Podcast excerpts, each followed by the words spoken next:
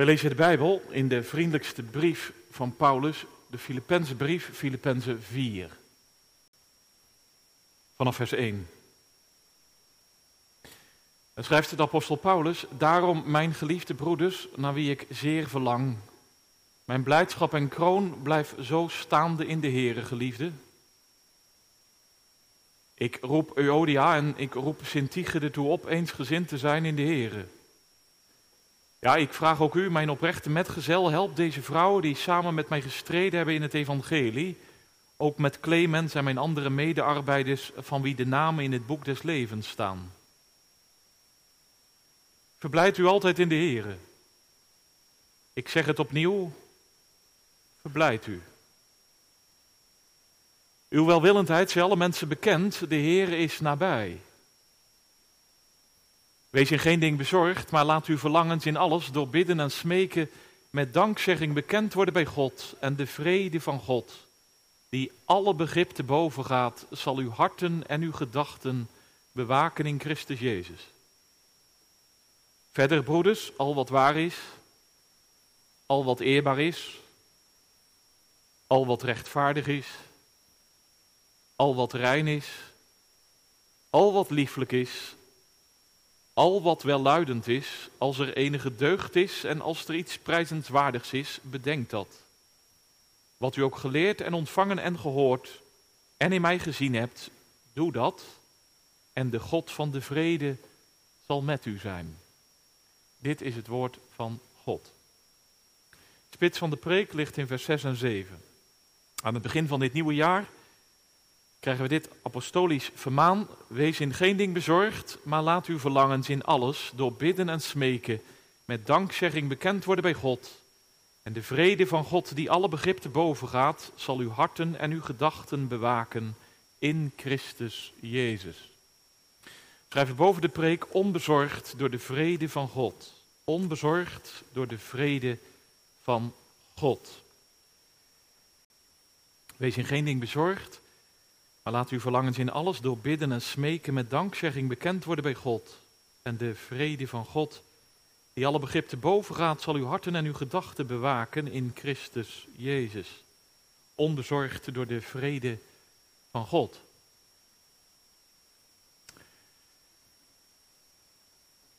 Gemeente, wees in geen ding bezorgd. Letterlijk, stop nu met bezorgd te zijn. Dat is een stoer woord. Zo noemt professor Van Ruler deze tekst, en ik vind dat eigenlijk wel raak gezegd. Een stoer woord. Wees in geen ding bezorgd. Stop nu met bezorgd te zijn. Een forse en ferme aansporing. Alleen hebben wij eh, vanmiddag die aansporing wel nodig. Misschien zit je hier vanmiddag en je hebt eigenlijk zo'n zin in 2023, weer een nieuw jaar. Je ziet er niet tegenop, je ziet er juist zo naar uit. Nou goed, neem dan deze preek gewoon mee voor het geval er in dit komende jaar wel zorgen komen. Want ik weet niet hoe u dat beleeft, ik mag nu een tijdje predikant zijn, maar heel wat mensen liggen soms wakker. Kunnen niet in slaap komen, ze zitten te piekeren en te pijnzen. Achter bijna elke voordeur is het wel eens wat. Misschien zit u hier vanmiddag en ja, nieuwjaarsdag 2023, maar je hoofd zit vol met allerlei zorgen, met allerlei angstige problemen. Je zit er uh, mee klem, je loopt er wat mee vast, je kind, je ouders, je huwelijk, je alleen zijn, je lijf je ziel, je studie, je werk, je. wat een zorg. Nou goed dat je dan vanmiddag niet thuis bleef, want dit is Gods eigen woord voor u, voor jou. De Heere weet er kennelijk van. Hij is nabij, dat staat voor onze tekst, daar ga ik straks nog meer over zeggen. Maar eerst dit, de Heere is nabij, hij is vlakbij, hij is vanmiddag heel dichtbij. En vanavond laat hij dat heel duidelijk aan je merken. Midden in al je zorgen en noden wil hij dat dit tegen je gezegd wordt aan het begin van dit nieuwe jaar. Wees in geen ding bezorgd. Stop nu met bezorgd te zijn. Ja, alleen dit kan eh, natuurlijk vanmiddag wel tegen je gezegd worden. Maar daar is het nog niet mee weg. Klinkt mooi, eh, zo'n dominee die vanaf zijn hoge stoel dat roept. Maar ja. Trouwens, stel u voor, hè, u spreekt uw zorgen uit over dit of dat. Je deelt je problemen over zus en zo en die andere luistert ernaar. Maar zijn antwoord is, joh, stop met bezorgd te zijn. Dat komt toch niet echt invoelend over. Maar Paulus dan? Is Paulus hier eigenlijk een onpastorale dominee? Zonder empathie, weinig invoelend, wees niet bezorgd, stop met bezorgd te zijn, punt uit, klaar is Kees. Nou ja, Paulus zegt, wees in geen ding bezorgd, maar dan zet hij geen punt. Kijk, dat gebeurt wel meer dan eens op aanzichtkaarten, dacht ik. Hè? Of op bepaalde boekenleggers, of bepaalde goed bedoelde wenskaartjes. Wees in geen ding bezorgd, punt. Alleen zo onpastoraal is Paulus niet. Hij zet geen punt, hij zegt er iets bij. Trouwens, wij hebben te zorgen. In ons werk, in de kerk, in de studie. Wij moeten aanpakken, ook in het komende jaar. Dat hoort erbij. Uh, ja, daar horen zorgen bij en daar hoort drukte bij. Maar wij hoeven niet bezorgd te zijn. Dus Paulus bedoelt hier vanmiddag niet tegen ons te zeggen aan het begin van het nieuw jaar, nou ja, eh, doe gewoon alsof er niks aan de hand is. Probeer je zorgen een beetje weg te duwen. Probeer je bezorgdheid de kop in te drukken. Don't worry, be happy. Maak je niet druk. Paulus is geen stoïcijn. Een filosofische stroming in die dagen die zei: probeer nou te komen tot een onverstoorbaar leven. En wat moet je daarvoor doen? Nou ja, dan moet je je bevrijden van alle hartstochten en verlangens en dan krijg je een onverstoorbaar leven. Dat is niet wat Paulus zegt. Zelf heeft de apostel ook genoeg zorgen. Dat is denk ik goed om erbij te zeggen. Hij zegt dit niet vanuit een luie strandstoel. Hij zegt dit ook niet vanaf het balkon van een vijfsterrenhotel. Nee, hij zit in de gevangenis. Geen pretje. Zeker niet in die dagen. En zijn hoofd en hart loopt vol van zorgen over de gemeente. Want misschien heb je daar wel eens over nagedacht, maar die beginjaren van de christelijke gemeente. Nou, dat was wel erg kwetsbaar allemaal hoor. Kleine clubjes mensen die in Jezus zijn gaan geloven. 10, 20, 30 mensen bij elkaar. Kleumerige kliekjes die Jezus volgen. Te midden van allerlei vragen en gedoe. Paulus heeft daar echt zorgen over. Hij zegt ergens, dagelijks overvalt mij de zorg over de gemeente. Dagelijks overvalt mij de zorg over de gemeente. En over zijn eigen leven heeft hij ook genoeg zorg. Want hij wacht op dit moment op het verdere proces van een rechtszaak die loopt. Zal ik mogen blijven leven? Zal ik de doodstraf krijgen? Dus ja, Paulus is geen dominee die zelf niks heeft meegemaakt. Een voorganger bij wie alles op rolletjes loopt en vanuit een comfortabel leventje roept: Nou, stop maar met bezorgd te zijn hoor. Apostel heeft zorgen genoeg. Alleen, uitgerekend hij zegt dit tegen de gemeente van Filippi. Wees in geen ding bezorgd. Stop nu met bezorgd te zijn. Dat woord bezorgd heeft in de grondtaal iets van angst. Angstig zelf alles in de hand willen houden, angstig alles zelf in de greep willen houden, angstig je eigen leven willen managen, angstig de boel onder controle willen houden. Blijf daarbij weg, zegt Paulus. Hou daarmee op. Het maakt je stuk. Dat maakt je diep ongelukkig. Dat geeft onrust, stress, spanning. Wees daarom in geen ding bezorgd. Zegt hij erbij, hè? In geen ding. Zie je dat? Heel absoluut. In geen enkel ding bezorgd zijn. Waarom zegt Paulus dit? Nou, de apostel sluit zijn brief af. Een, een, vriendelijke brief, een hele gevoelige brief. Een brief die vol staat met het woord blijdschap. Als je vanavond even voor jezelf die brief leest, dan zie je dat wel. Wel 16 keer staat hier in deze brief dat woord blijdschap. Apostel, hij pakt nog één keer zijn pen, want hij heeft deze gemeente zo lief. Hij verlangt naar hem. De gemeente van Filippi is zijn blijdschap. Hij heeft over deze gemeente zoveel vreugde. Het is zijn kroon. Maar juist zij moeten staande blijven in de Heer. Als goede soldaten moeten ze stand houden, volhouden in het zuivere geloof in de Heer. Christus alleen en Christus helemaal. Paulus hij spoort hen daarom aan het eind van deze brief aan om staande te blijven in de Heer. En hij spoort hen aan om zich te verblijden in de Heer. Hij drukt het nog één keer op hun hart en hij zegt: Verblijd u. Ik zeg het nog een keer: Verblijd u.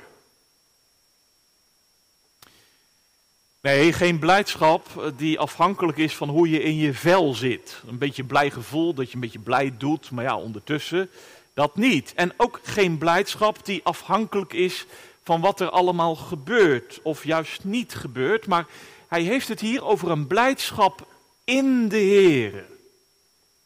Dat betekent in gemeenschap met de Heer Jezus.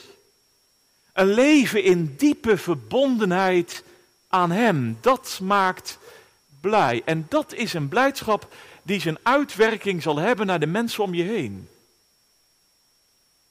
Want uw welwillendheid zij alle mensen bekend.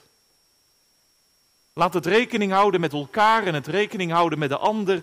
Laat dat nou alle mensen bekend worden. Dat jullie zo met elkaar leven in Filippi. Dat jullie zo elkaar tegemoet treden. Vriendelijk, bescheiden, inschikkelijk, welwillend. Laat dat overal bekend worden in Filippi. Maar ja, het is alsof Paulus denkt, om blij te zijn in de Heer moet je natuurlijk niet bezorgd zijn. Dan komt er van die blijdschap in de Heer niks terecht. Dan blijf je ook niet staande in de Heer. Nee, dit moet ik er wel bij zeggen. Wees in geen ding bezorgd. Waren ze dat dan in Filippi? Bezorgd. Nou ja, christen zijn in Filippi, dat valt niet mee, kan ik je zeggen. Klein stadje in het huidige Griekenland, een Romeinse kolonie die vol is met uitgediende militairen. Loop maar eens even door dat stadje heen.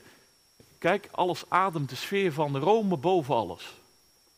De keizer nummer één in het bestuur, in de economie, in de wetgeving, in de religies van die dagen. Rome en de keizer voor alles. Je zult er maar christen zijn, zeg. Hemels burgerschap ontvangen, vriend van het kruis worden. Nou, dan zeg je, Jezus is onze Heer. Hij staat op nummer 1, Jezus is onze koning, hij staat aan de top. Dat geloof levert natuurlijk wel problemen op. Dat gaat schuren, daar maak je echt geen vrienden mee. Jezus nummer 1, waar heb jij het over? De keizer is toch nummer 1? Jezus, Jezus. Nou ja, goed dat je dat erbij doet, maar op nummer één, ja, dat gaat niet in ons Romeinse Rijk. Wij moeten allemaal als één man achter de keizer staan, anders krijgen we problemen. Voel je? Je baan komt op de tocht te staan. Je familie vindt het knap lastig. Je vrienden snappen er niks van en haken af. De stadsbestuurders worden zenuwachtig. Wat zijn dat voor een Jezus mensen daar? Wat moeten we daarmee? Kunnen we ze laten gaan? Moeten we ingrijpen? Zomaar kan de vreugde wegcijpelen. Het verdriet gaan knagen aan je leven. Zomaar kan de angst je gevangen nemen. De bezorgdheid vult je hart. De twijfel slaat toe en de onvrede neemt alles in bezit. Zomaar kan het je aan het wankelen brengen. De standvastigheid in de Here raakt zoek. Ja, misschien zit je hier vanmiddag en je herkent het maar al te goed. Natuurlijk, natuurlijk, wij leven in een hele andere samenleving als daar en toen, maar die zorgen omdat jij christen bent. Daar gaat het hier dus allereerst over hè, bij deze tekst. Zorgen omdat je christen bent. Misschien dat je hier vanmiddag zit en je zegt, ja, dat herken ik wel. Want het kost je gewoon promotie op je werk. Jij bent christen met, ja, ja aardig hoor dat jij die normen en waarden hebt. Maar ja, in het management moeten we toch een beetje, ja, sorry, ja, moeten we toch wel een beetje uitkijken. Ja, kan je zo bezorgd maken. Hoe gaat het verder? Wat voor problemen hangen er allemaal boven mijn hoofd? Of zorgen omdat je Jezus ging volgen en intussen voel je met diverse eh, eh, vrienden de afstand groeien. Eerder kwamen ze veel en vaak, maar de laatste tijd, ja, ja, sorry, jij altijd met die Jezus van je, ja. Zorgen omdat je tot geloof komt en in je studie, ja, ze maken het niet echt heel makkelijk, want eh, als er een vraag is, dan, ja, dan zeggen ze tegen jou, nou ja, jij bent christen, hoe zit dit dan en hoe gaat dat dan? En of zorgen omdat je kinderen andere wegen gingen. De laatste tijd willen ze er eigenlijk niet over praten, want ja, dat jullie geloven dat is best, maar nou moet je er wel echt over ophouden hoor. Je probeert het allemaal een beetje te managen en je probeert het onder controle te krijgen. Je bent er soms zo druk mee in je hoofd en je denkt, ja, als zij nu dit zegt, dan zal ik dat. En als hij nu dat doet, ja, dan ga ik zo reageren. Heel je hart loopt over van bezorgdheid. Maar hoor eens, dan middenin klinkt de stem van Paulus en hij zegt, wees in geen ding bezorgd. Ja, zeg je mooi, maar wat dan? Luister. Wees in geen ding bezorgd, maar. Maar laat je verlangens in alles door bidden en smeken bekend worden bij God. Zie je dat? Paulus zet dus geen punt, hij is geen stoïcijn. Hij zegt niet, nou ja, kom tot een onverstoorbaar leven. Hij is ook geen postmodernist, hij zegt niet, don't worry, be happy. Nee, dit is het apostolische medicijn tegenover al die bezorgdheid. Maar de deur vliegt open en de bevrijding stroomt je vanmiddag tegemoet. Niet bezorgd, maar. Ja, kijk eens goed, want Paulus die zet in deze tekst van alles tegenover elkaar. Hè?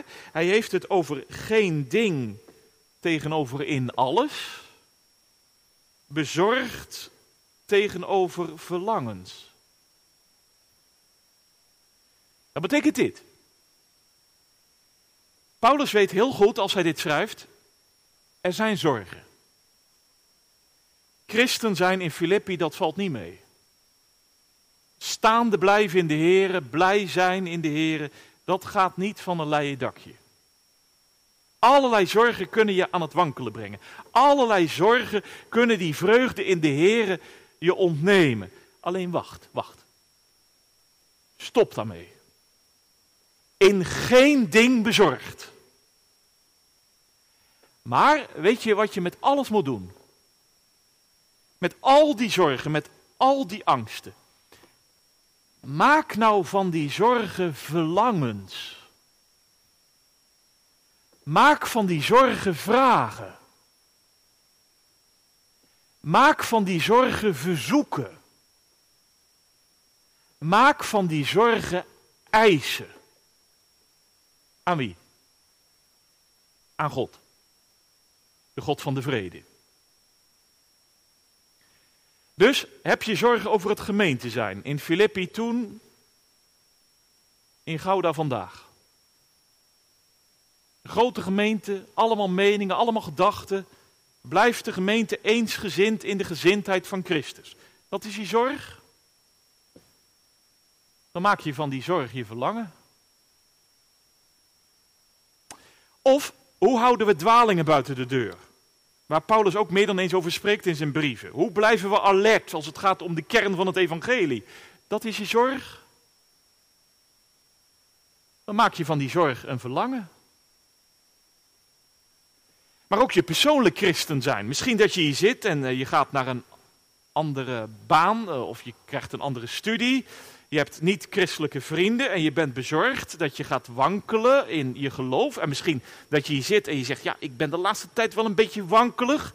Blijf ik wel staande in de Heer? Dat is je zorg. Dan maak je van die zorg een verlangen. Of u zit hier en ja, u heeft zorgen dat u wegkwijnt in verdriet, want de laatste maanden, het is zo verdrietig vaak in je leven. Hoe verblijd ik me nog in de Heer? Dat is je zorg. Maak je van die zorg een verlangen. Of, nou, nog één dan. Heb je zorgen over de nabijheid van de Heer in je leven? Omdat je de laatste tijd zo weinig van hem voelt, van hem merkt. Je wordt kouder. Hoe voel ik nu en weet ik nu dat de Heer mij nabij is? Dat is je zorg. Dan maak je van die zorg een verlangen. En je maakt het biddend en smekend bekend aan God. Voel je dat intense? Biddend en smekend. Daar staat een woord dat zoveel zegt als een smeekschrift. Dat beeld moet je hierbij denken. Bij, bij denken. Als een petitie. Hè? Soms wordt er een petitie aangeboden in de Tweede Kamer of zo. Dan zegt nou, hier een petitie, meneer, mevrouw, alstublieft. Nou, als een petitie met dikke letters schrijf je het op, in groot letterformaat schrijf je het uit en je gaat ermee tot God. Dus dat gaat zo. Je zegt, heren, ik ben zo bezorgd over de eensgezindheid in de gemeente, maar ik kom tot u. Want ik verlang zo dat we eensgezind zullen zijn in de Here, zoals u ons voorhoudt.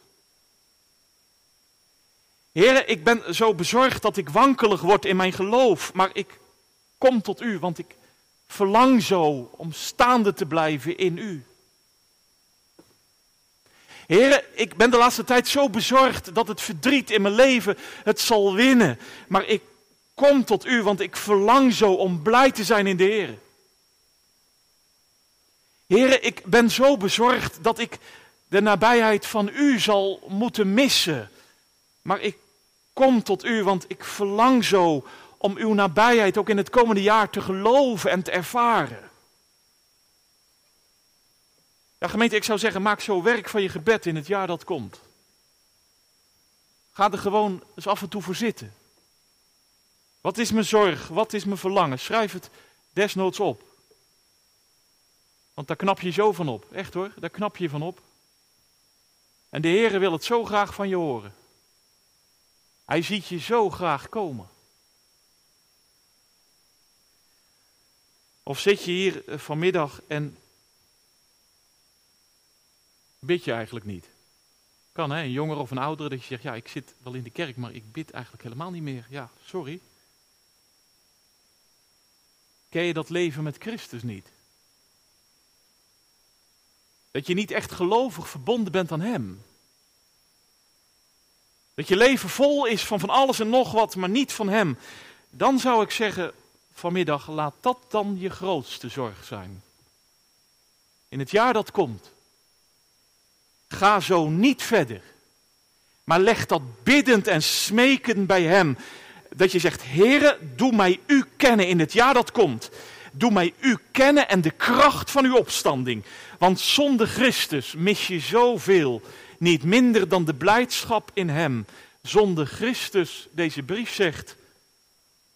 Ja, ik durf het bijna niet te zeggen, maar dat zegt Paulus echt in deze brief. Zonder Christus is je einde het verderf. Kom je om. En daarom hoor vanmiddag.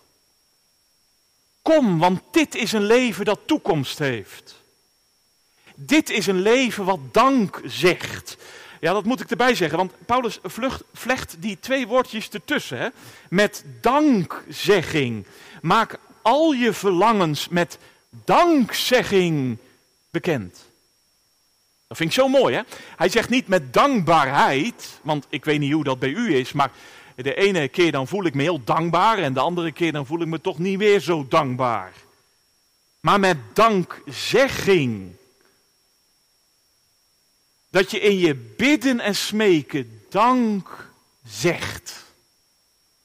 Dat gaat dus zo. Heren, ik bid en smeek en dank u voor dit en dat. Ja, heren, allermeest zeg ik u dank dat u nabij bent. Dat u meer nabij bent dan ik ooit kan denken en voelen. Maar vooral, heren, ik dank u dat u dichtbij bent, dat uw komen dichtbij is, dat uw wederkomen nabij is. Want dat wordt bedoeld met dat zinnetje, de Heer is nabij. Zijn komen is nabij. Hij komt, hij komt. Hij die op jouw gebed vrede geeft. Nee, niet dat hij al je verlangens vervult op het gebed. Dat niet, hè? Staat er ook niet. Staat wel iets anders. De vrede van God zal op dat bidden, smeken en danken van jou. Ja, die vrede, zegt Paulus, zal als een schildwacht heel je hart en gedachten bewaken, omringen. Die vrede van God, die alle begrip te boven gaat.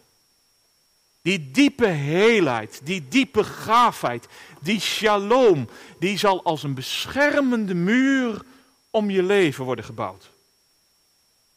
Dat is een vrede in Christus Jezus. Ja, ik sta er een beetje over te brabbelen hoor, vanmiddag. Want dat, ja, dat moet je gewoon echt ervaren in je leven. Dat is zo'n diepe vrede. De vrede dat je genoeg hebt aan Jezus. Te midden soms van alles wat je ontbreekt. De vrede dat je blij bent in Hem. Te midden van allerlei, soms hele nare omstandigheden. Dat je staande blijft in Hem.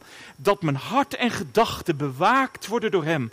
Dat ik omringd word door die vrede die alle bezorgdheid bij me vandaan houdt. Een vrede die alle angst ver van mij houdt. Ja, gemeente, ik sta daar nu over te praten. Maar dat is toch wat? Wat ik nou allemaal zeg. Ik denk, ja, dat zijn wel hele grote en hoge woorden. Dat moet ergens natuurlijk ook landen in uw en mijn leven. Het is toch wat? Dat er een vrede is zo diep, zo groot. Want ik mag u zeggen, dat leven wat ik voor u uitschilder, dat heeft Christus nu voor zijn gemeente verdiend. Wist u dat? Dat leven van blijdschap, van bidden, van smeken, van dankzegging en van vrede, dat is verdiend door Christus Jezus. Weet je hoe? Weet je hoe? Hij daalde neer in al mijn zorgen, in al mijn angsten. Als een slaaf is hij geworden, Filippenzen 2. Hij liet de hemelse vrede achter zich. Hij legde al zijn heerlijkheid af. Hij ontledigde zich helemaal. Kijk, daar gaat hij. Zie hem gaan? Met dat kruis op zijn rug. Kijk eens goed. Daar liggen al mijn zonden. Daar liggen al mijn zorgen op zijn rug. Hij neemt ze mee tot in de dood, de dood aan het kruis. Hij gaat er zelfs het graf mee in. Ja, kijk eens goed, kijk eens goed. Want met dat hij het graf ingaat, gaan al mijn zorgen het graf in. Gaan al mijn angsten het graf in. Maar kijk, ja, het geloof ziet het vanmiddag. Want Jezus staat op. Hij heeft al mijn zorgen overwonnen. Hij heeft al mijn angsten overwonnen. Hij laat ze allemaal achter in het graf voor eens en voor eeuwig. Want hij is verhoogd En deze Jezus die vanavond verkondigd wordt, hij heeft een naam ontvangen boven alle naam. Hij is nabij gemeente, hij komt eraan. En daarom zou ik zeggen, smeet in het komende jaar nou al je zorgen om tot verlangens.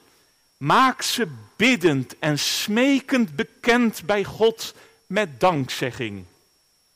Want, gemeente van Gouda, de Heere is nabij. Hij is vanmiddag zo nabij. Dat kan ik u niet zeggen. Zo nabij. Hij komt eraan. Daar hoef je geen seconde aan te twijfelen. De dag komt dat alles van de vrede zal bloeien. Van die vrede die nu al je hart en gedachten bewaken wil. De dag dat bergen vrede zullen dragen, twist en wrok verdwijnt. En één gemeente, eensgezind, hem zal dienen. De dag komt dat geen dwaalleer de gemeente van God meer bedreigen zal. Zuiver en volmaakt zal hij geprezen worden. Dan zal mijn vernederd lichaam verheerlijkt worden. Gelijk gemaakt aan zijn verheerlijkt lichaam. Dat zal me toch wat zijn? Dan ontvang ik een lichaam vrij van zorg, vrij van angst, vol van blijdschap. Enkel blijdschap, vol van vrede enkel vrede. Daarom gemeente van Gouda nog één keer aan het begin van dit nieuwe jaar. Dat je het echt meeneemt. Niet vergeet. Eruit leeft. Hoor. Wees in geen ding bezorgd. Maar Laat al uw verlangens in alles door bidden en smeken met dankzegging bekend worden bij God. En de vrede van God. Ah, dat is geweldig. Hè? Die vrede van God, die alle begrip te boven gaat. Die zal uw harten en uw gedachten bewaken in Christus Jezus. Geliefde, blijf zo staande in de Heer. En de God van de vrede zal met u zijn. Amen.